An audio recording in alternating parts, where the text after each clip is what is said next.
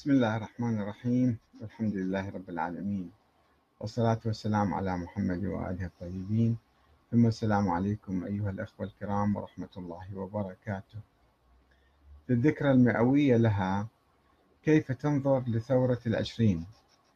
يعني هي 1920 آه، والآن 2018 ولكن آه، يعني جذور الثورة كانت قبل ذلك 2017 18 انتفاضة النجف مثلا في 1918 آه، فهي تقريبا يعني بهالمناسبة هذه آه، مع الأسف هناك نظرة جديدة عند جيل جديد أو عند بعض الناس آه،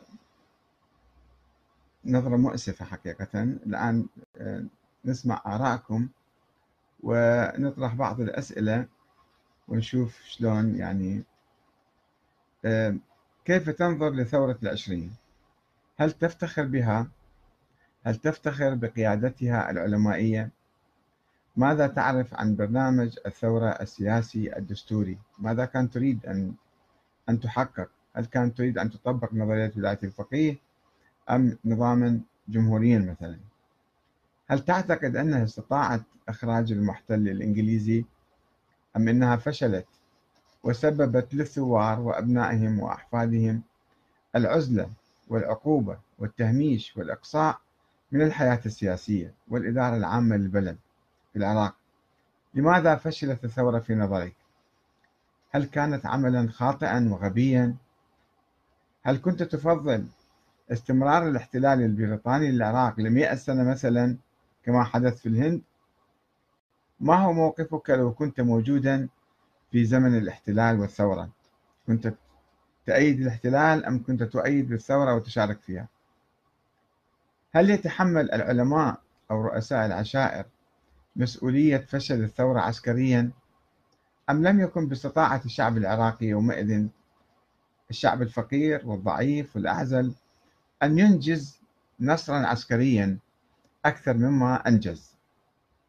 أم يتحمل السياسيون الذين باعوا أنفسهم للمحتل مسؤولية انهيار الثورة؟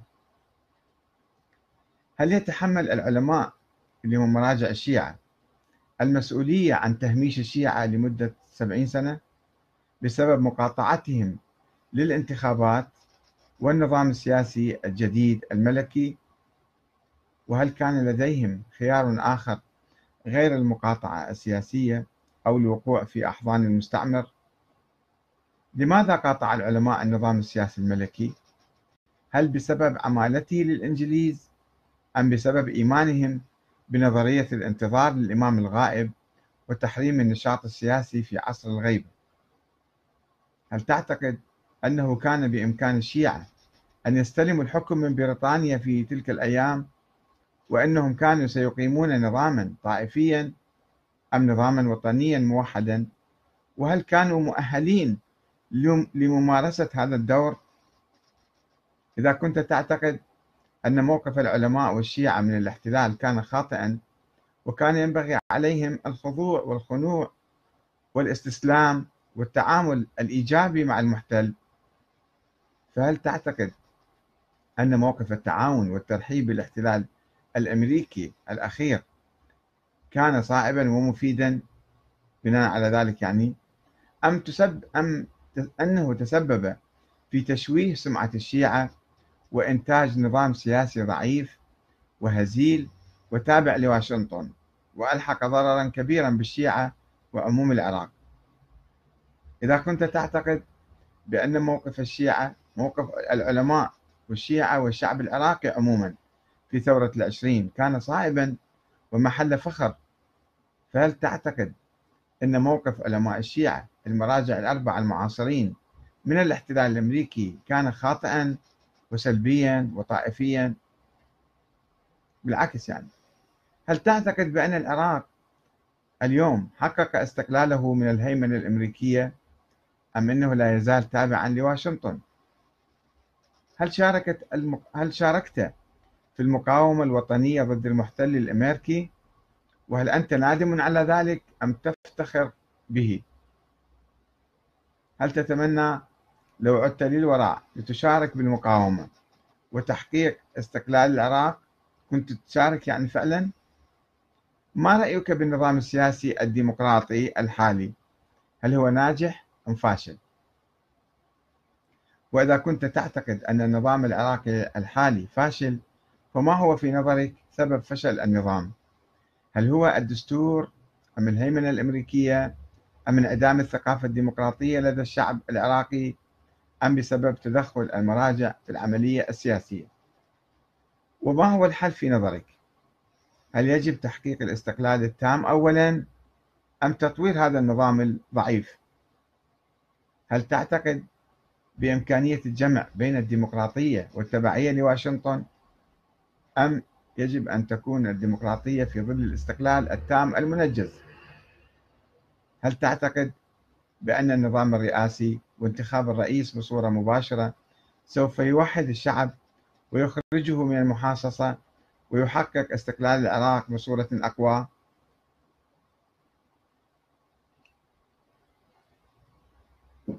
هذه أسئلة بالحقيقة تشابك بين العصر الراهن وبين التاريخ. إذا عندنا حال حالتين متشابهتين. عندنا احتلال بريطانيا العراق في 1917 ومقاومة الشيعة والعلماء بالذات.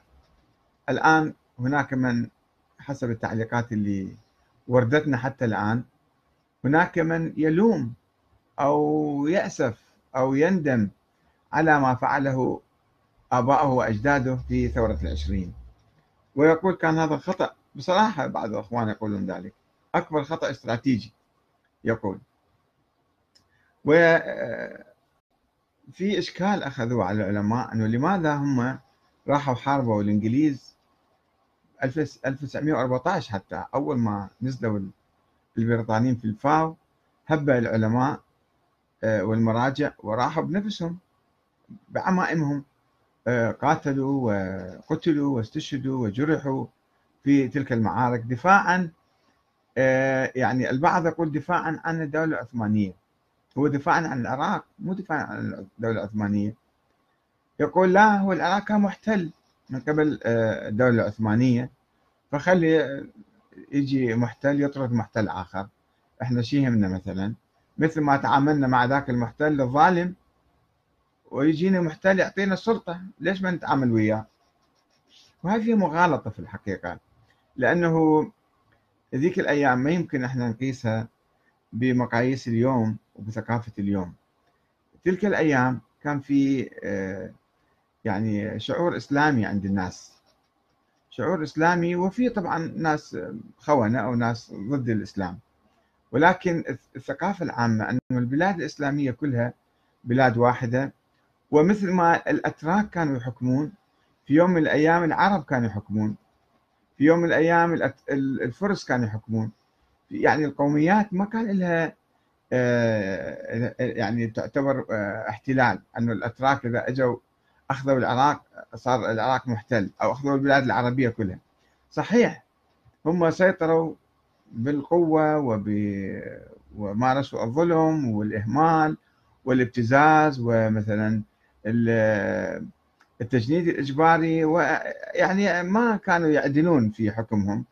كما أن العرب عندما حكموا في القرون الأولى هم نفس الشيء.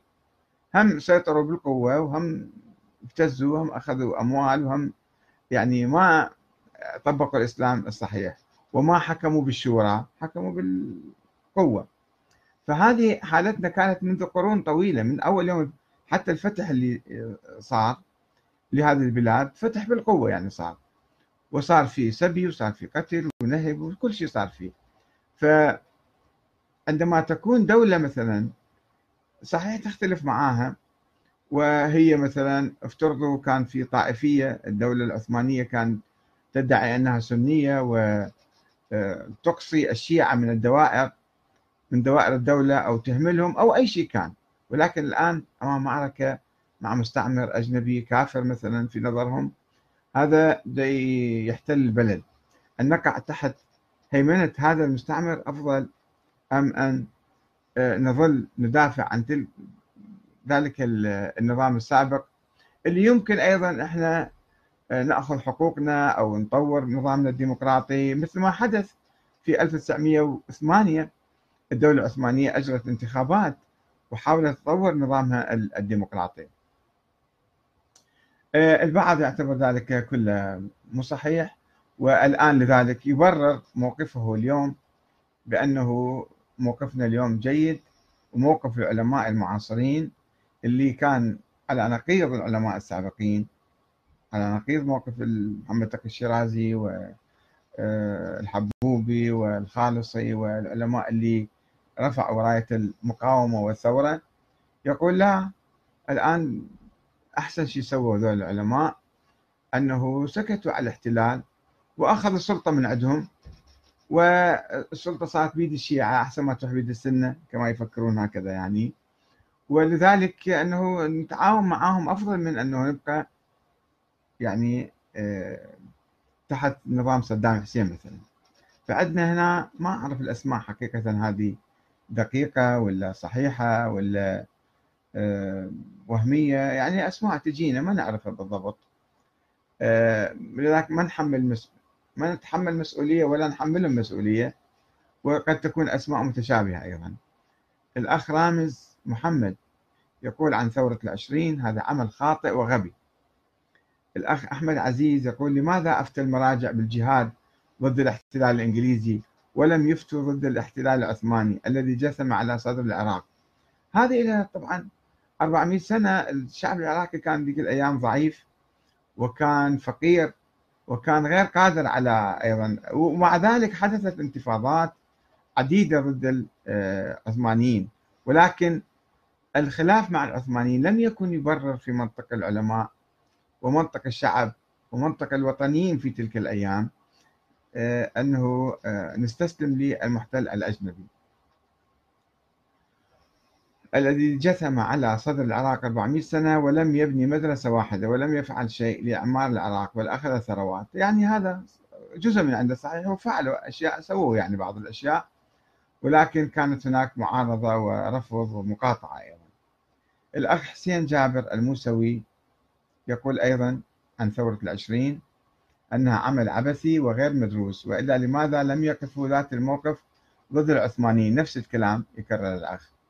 الذين أشد أشد ظلم واستبداد آه، الأخ محمد علي الأسدي يقول تحرير العراق من الظلم العثماني عمل إيجابي وعدم التفاهم مع الإنجليز عمل سلبي. جر العراق إلى الأنظمة العسكرية الدكتاتورية الظالمة وأدخل البلاد في دوامة الحروب والحصار وكذلك كان إسقاط صدام عمل إيجابي لم يستثمره العراقيون وخاصة الشيعة ومالوا صوب أمريكا صوب إيران التي استخدمتهم للضغط على أمريكا لصالح مصالحها في الوقت الذي يخسر الشيعة القيادة والإدارة الصحيحة لبلادهم.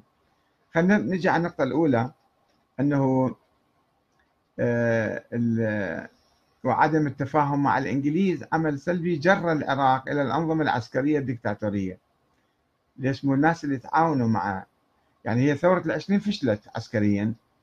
والإنجليز أقاموا نظاما على أنقاض ثورة العشرين وجابوا ناس اللي ما شاركوا بالثورة وأعطوهم السلطة وهم آه، أقاموا نظام ملكي جابوا الملك اللي يتعاون معاهم ومع ذلك الملك والنظام ما كان له سلطة ما كان له آه، آه، يعني فعل حقيقي. والأنظمة العسكرية يعني هي من جاب الأنظمة العسكرية؟ هم نفس اللي أسس هذا النظام. وكان كانت الانتخابات مسرحية وكانت الانتخابات مزورة وكانت يعني العراق كان يبقى مسرح للقوات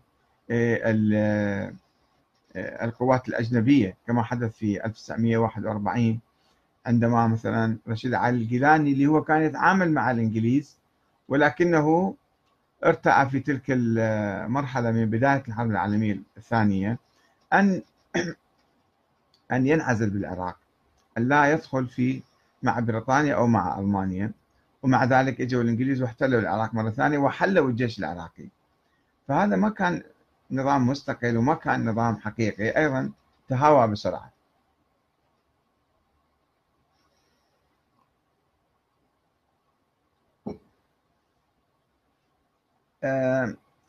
يعني التحليلات الآن أنه الشيعة أخطأوا.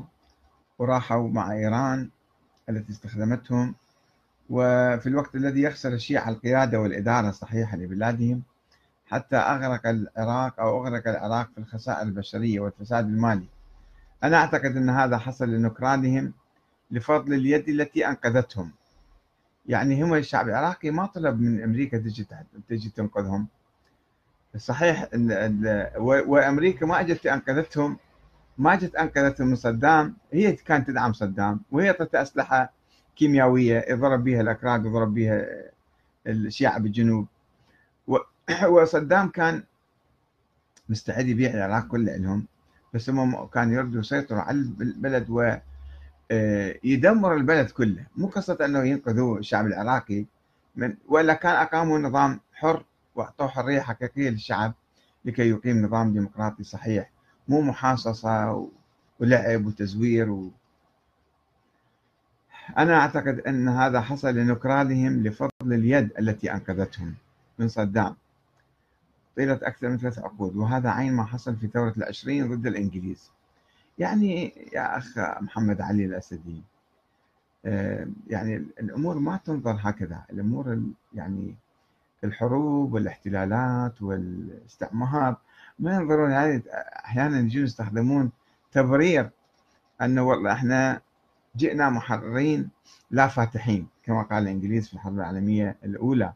ولكن بعد ذلك أعلنوا يعني استعمارهم واحتلالهم للعراق وأرادوا أن يستعمروا العراق بصورة مباشرة ولكن ثورة العشرين آه، يعني رجحت مدرسة أخرى اللي هي كانت تقول مدرسة بريطانية أخرى أنه لا نحكم من وراء ستار. مو مو حكم مباشر مثل الهند 200 سنة 300 سنة.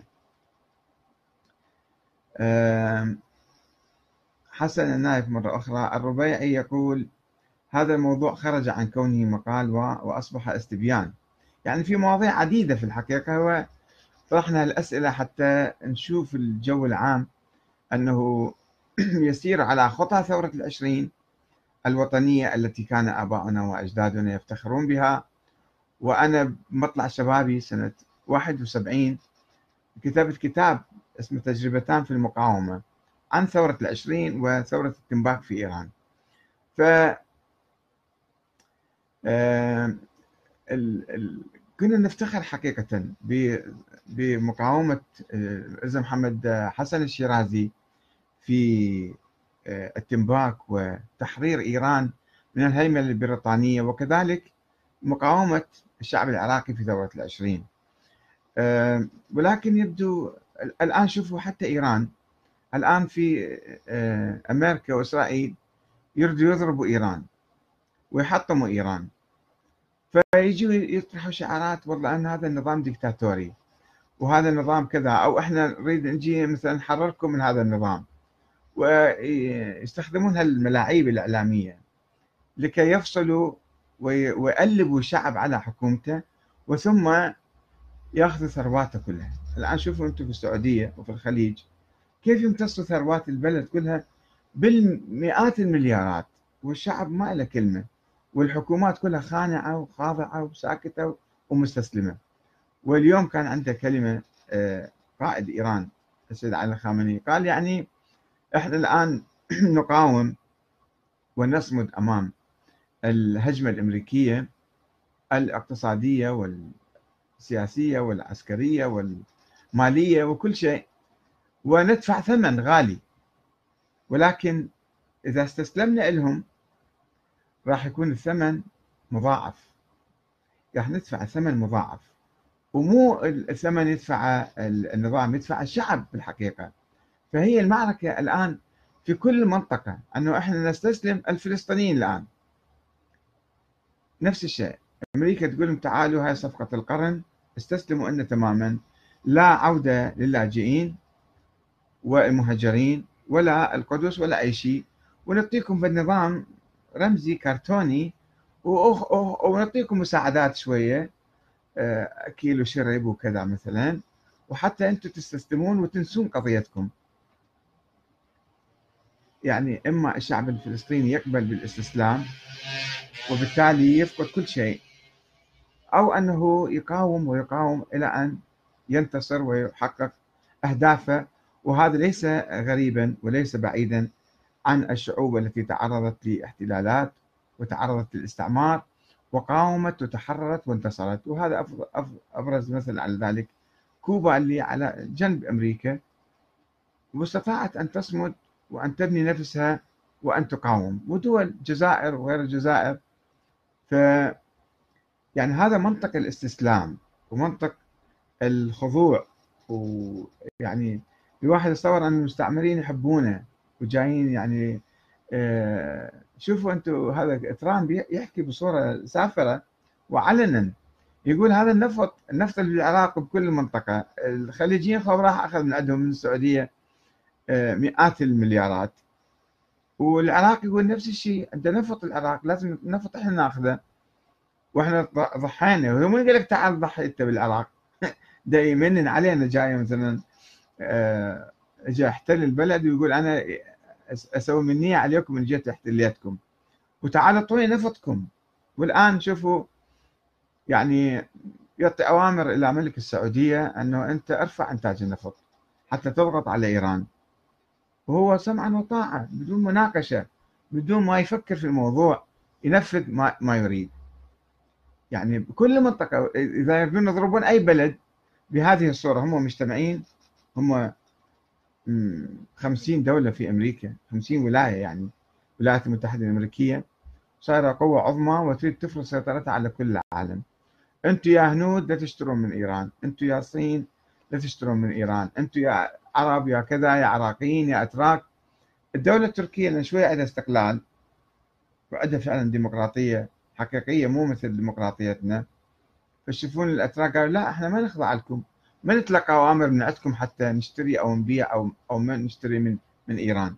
بينما قد يفرضون هذا الشيء على العراق اليوم أنه أنت خلص. هم أنت ارفع الإنتاج حتى تغطي العجز اللي راح يصير بمقاطعة إيران. آه، أما ثورة العشرين الأخ الرباعي جودة الرباعي يقول أما ثورة العشرين فهي غصة ما زالت لا أطيق أن أتخيل كيف أن العلماء لا كل الأخوان يعلقون على النقطة هذه أنه ليش أنتم سكتوا على العثمانيين وقاومتوا الإنجليز؟ يعني هي الدولة كانت هي دولة جزء من الدولة العثمانية وكل منطقة كانت تابعة لها.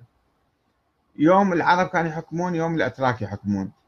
هذا مو ما يصير مبرر حتى نستسلم أمام أمريكا أو أمام بريطانيا أو أي مستعمر آخر.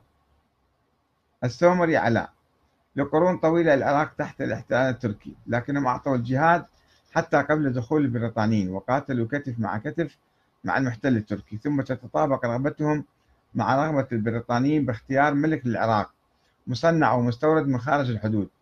الحقيقة هي لعبة كانت. لو تبحث الموضوع أكثر دقة يعني كان في تيار يطالب بالاستقلال. استقلال هم البريطانيين قالوا أنتم تردون؟ تردون إحنا جينا محررين لكم. تردون بعدين سووا استفتاء. تردون استقلال تردون نحط أمير عربي عليكم. تردون إحنا نحكمكم حكم مباشر. فالشعب العراقي سوى مضابط وقال إحنا نريد نستقل كأي بلد. أكو بلد بالعالم يقبل بالاحتلال حتى لو كان مستعمر من قبل بلد آخر. يعني آه، آه، افترض العثمانيين كانوا محتلينه ومستعمرينه الآن إحنا هم الإنجليز قالوا إحنا جايين محررين لا فاتحين. وبعدين سووا استفتاء اشتردون الشعب العراقي سوى مضابط في كل مكان. قال إحنا نريد الاستقلال. إحنا نسوي دولة مثلا جمهورية أو ملك إحنا نحطه. فهم كان عندهم عملاء آخرين أحزاب مختلفة ألفوها ذيك الأيام. وجابوا هذا الملك فيصل اللي أول شيء هو شريف حسين أبوه تعاون مع الإنجليز و آه، يعني آه، خربط المعادلات العسكرية. مو كان حتمي العثمانيين ينهزمون في الحرب العالمية الأولى إلا أنه ابن سعود وشريف حسين وآخرين آه، ضباط عراقيين وغيرهم تحالفوا مع الإنجليز وضربوا الجيش العثماني ووفروا طاقة وقوة للإنجليز حتى يهجمون على هذه المناطق. أو بالعكس مثلا القدس والشام دمشق وبيروت اللي احتلها مو الإنجليز احتلوها العرب هو شريف حسين احتلها وملك فيصل.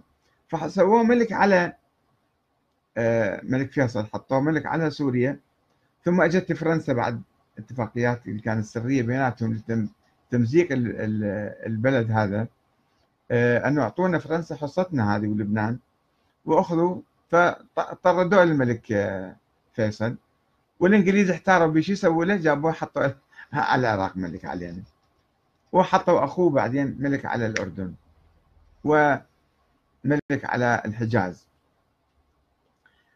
في الحقيقة يعني هذا الحدث الكبير اللي إحنا احتلال الحرب العالمية الأولى اللي لا نزال حتى الآن آه، نعاني منها. آه، ويعني آثار تلك الحرب وذلك الاحتلال حتى الآن موجودة. وأنا مرة دخلت في المتحف البريطاني هنا في لندن المتحف العسكري. وكان في فيديو يعرضون فيه تاريخ المنطقة. وكاتبين أنه قبل الحرب العالمية الأولى كان هناك محاولات أوروبية لاحتلال مناطق في الدولة العثمانية. مثلا فرنسا احتلت آه، الجزائر إيطاليا احتلت ليبيا بريطانيا احتلت مصر. كانت أيادي مختلفة. ثم اتحدت هذه الأيادي صارت يد واحدة بها أعلام بريطانيا وفرنسا وإيطاليا واشتبكت مع الدولة العثمانية ف آه، أسقطتها واحتلت المنطقة كلها وصارت الدولة الأوروبية بعد البلاد كانت موحدة. البلاد العربية والإسلامية كانت دولة واحدة كبيرة وكانت عزيزة وكانت قوية وكانت يعني حرة. صحيح النظام كان مثلا ديكتاتوري أو ظالم أو مهمل أو كذا ولكن كان عندنا في شيء اسمه استقلال بمنطقتنا. استقلال عام لكل أمتنا. ما تشوفون قصة تركي وكردي وعربي وفارسي. لا المنطقة كلها كانت حرة في مقابل أوروبا. فعندما هذه اليد الأوروبية ضربت المنطقة تفتتت. شوفوا التجزئة اللي موجودة اليوم. هذه كلها من آثار الحرب العالمية الأولى ومن الاحتلال البريطاني الفرنسي لمنطقتنا. ويكتبون بعد ذلك أنه هذه الخارطة اللي كانت موحدة لن تعود هكذا أبدا مرة أخرى. ما نسمح بعودة الوحدة العربية أو الإسلامية؟ وإحنا مشاكلنا اليوم مشاكلنا في المنطقة كلها من التجزئة والتقسيم اللي حاصل. وهذه التجزئة هي التي تفرض الهيمنة البريطانية والغربية والأمريكية على منطقتنا. كل يوم يريدون يضربون بلد يحتلوه بسهولة بالتعاون مع الأنظمة الأخرى. مثل ما ضربوا صدام حسين تعاونوا مع الكويت والبحرين والإمارات وقطر والسعودية ومصر والأردن وأجوا مع هؤلاء ومن القواعد اللي في بلادهم واحتلوا هذا. وكذلك أرادوا احتلال سوريا. ويردون يحتلون إيران ويردون يضربون تركيا حتى. وبكرة حتى يحتلوا مناطق أخرى مثل مصر يقسموها يجزئوها. كل شيء يردون يسووه بإمكانهم يسووه لأنه إحنا مو متكاتفين. مو موحدين مشتتين ضعاف ما نستطيع أن نقاوم أي هجمة أجنبية. وبالتالي ما تفيدنا لا الديمقراطية ولا بعض الثروات اللي يعطونا إياها. تشوفون الآن حتى الإمارات. أعطوهم أسلحة أعطوهم قوات بس تعالوا أنتم حاربوا باليمن. تعالوا حاربوا بسوريا تعالوا حاربوا في فلان منطقة. مع الأسف الشديد يعني بعض الأخوان أو كثير من الأخوان ما أدري ما يدركون الأبعاد المختلفة للهيمنة الاستعمارية على مناطقنا. فقط ينظرون أن صدام حسين كان ظالم اجوا خلصونا من صدام حسين. هذا مو صحيح. مو صحيح أن نبسط الأمور بهالشكل هذا. يعني صدام حسين كان ظالم. لو باقي العراق مستقل وقوي وصدام حسين في يعيش؟ كان سميت الآن. وبعدين يمكن يصير تغييرات في البلد تتطور يصير كذا يصير نظام جديد البلد يتحرر البلد يبني نفسه بنفسه مو يجي من برا. يعني شفتوا أنتم هاي تجربتنا الآن. 15 سنة ومي ما قدرنا نحل مشكلة الماء ولا مشكلة الكهرباء ولا مشكلة المجاري ولا مشكلة التعليم ولا الصحه كل شيء يرثى له الآن في العراق لماذا؟ لأنه مو بإرادتنا. أكو هناك هيمنة تمنع أنه حل هذه المشاكل. من أجل واللعب بالقوى السياسية المختلفة واللعب بالعملية بالانتخابات تزوير الانتخابات واللعب فيها وبالتالي آه، استخدام العراق ممرا للهجوم على إيران أو الهجوم على سوريا. واللي ما يقبل أيضا إحنا نضربه ونحطمه ونشوه سمعته وكذلك ثرواتنا لازم نعطيها للأجنبي وإحنا نسكت ونكون ممنونين لهم. الشعب العراقي ما طلب من أمريكا تجي تحتله وحتى احتلالهم حتى لم يكن تحت غطاء الأمم المتحدة. عمل هم ادانوه بعدين. يعني هم قالوا احتلال وفي بلادهم في بريطانيا وفي أمريكا إنه هذا عمل كان غير صحيح وغير قانوني ودوليا كان عمل غير قانوني. إحنا نجي نقول آه والله آجركم الله شكرا جزيلا أحسنتم بارك الله فيكم اجيتوا حررتونا. هو لعب علينا. هو صدام منو دعم منو جاب علينا. يعني نبقى إحنا لعبه بيد المستعمرين. إذا نبقى هكذا ننظر الأمور بهذه السذاجة وبهذه البساطة. أنا ما أشكك بوطنية الأخوان الذين انتقدوا ثورة العشرين أو الآن يؤيدون الاحتلال الأمريكي للعراق ولكن أعتقد أنهم مشتبهين اشتباها كبيرا والمسائل ما تنظر إليها بهذه النظرة الجزئية وردود الأفعال. إنما أنظروا إلى نظرة تاريخية. انه إلى متى إحنا نستطيع أن نبني بلدنا ونتحرر ونتوحد؟ طبعا إحنا وحدنا ما راح نتمكن. يعني هاي منطقتنا كلها هي منطقة واحدة. تخضع تحت هيمنه الاستعمار وإسرائيل أيضا. والأنظمة اللي تحطها آه، هذه القوى الأجنبية الغربية هي أنظمة تابعة لها وعميلة لها.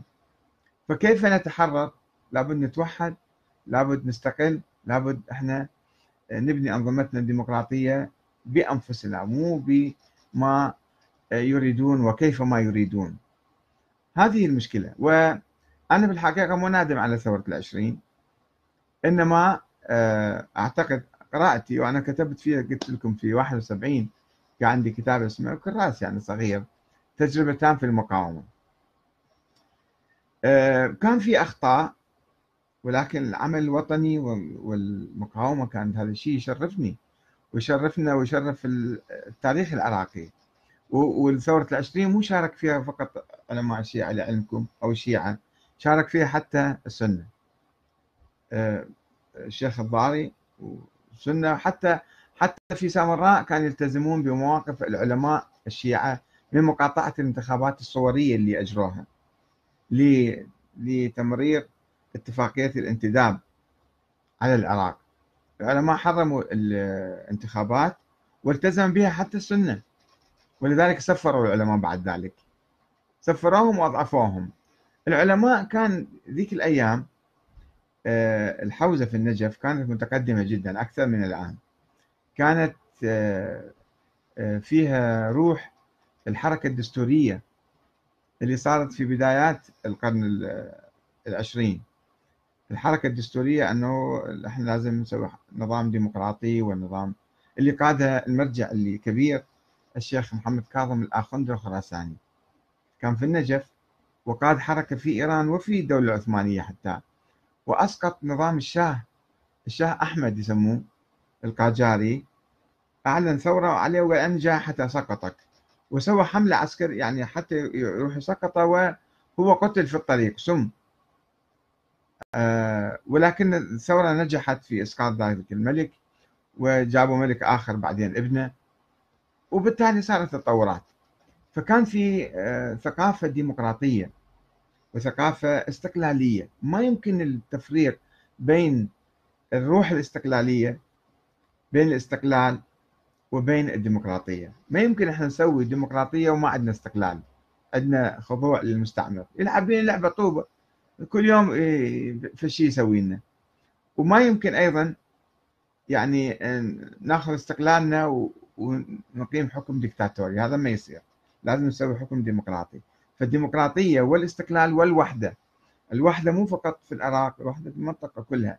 إحنا شعوب تاريخيا شعوب يعني من حضارة واحدة ومن أمة واحدة وأن هذه أمتكم أمة واحدة وأنا ربكم فاعبدون. فإحنا إذا نسينا القرآن ونسينا الله ونسينا المبادئ الأولية الوطنية وقلنا خلي نتعاون مع المستعمرين خلي يركبوا علينا وخلي يغتصبوا نسائنا وخلي ياخذوا ثرواتنا. شنو بقى عندنا من بالحياة؟ شنو بقى حتى يعني يسوى نعيش من أجله بعدين؟ أنا ربما أسمع آه، كلامكم بعدين تعليقاتكم ربما في حلقة أخرى أكثر من هذا. آه، الأخ آه، الشيخ زيوار محمد المدرس يقول حتى الشيخ محمد الحفيد الكردي شارك في ثورة العشرين برجالاته وهذه ذكرها الوردي. أحسنت الشيخ زيوار على تنبيهنا. أنا فعلا يعني هذا شيء نفتخر فيه الآن.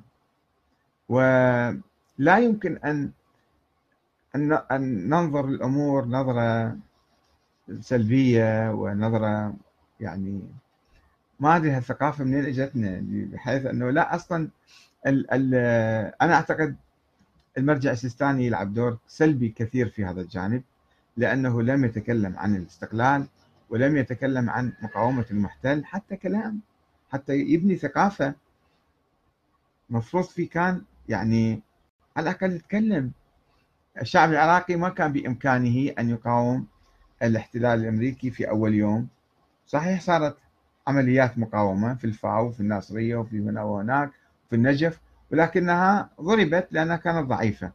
والشعب العراقي كان مقسم لأن صدام حسين ما سلح الشعب العراقي سلح جماعته ومخابراته و... و... والجيش ماله. اللي انهزم وهو هم انهزم اختبأ في جحر. يعني في تلك اللحظة ما كان بإمكاننا نقاوم عسكريا صحيح ولكن كان بإمكاننا نقاوم إعلاميا نقاوم سياسيا وأن نعلن ذلك. الحديث يقول أنه يعني إذا رأيتم المنكر فانكروا بيدكم إذا مو بيدكم فبلسانكم إذا مو بلسانكم بقلبكم. وذلك أضعف الإيمان. الاحتلال منكر كبير ومنكر تاريخي خطير سيمتد إلى عقود أو قرون الله أعلم. إذا لم نغير عقليتنا ونبدأ بتحقيق استقلالنا اليوم. حتى لا تضيع بلادنا. مرة أخرى. ونتوحد مع كل القوى. نتوحد مع إيران مع تركيا مع سوريا مع فلسطين مع مصر مع الخليج مع الشعوب الخليجية مع اليمن.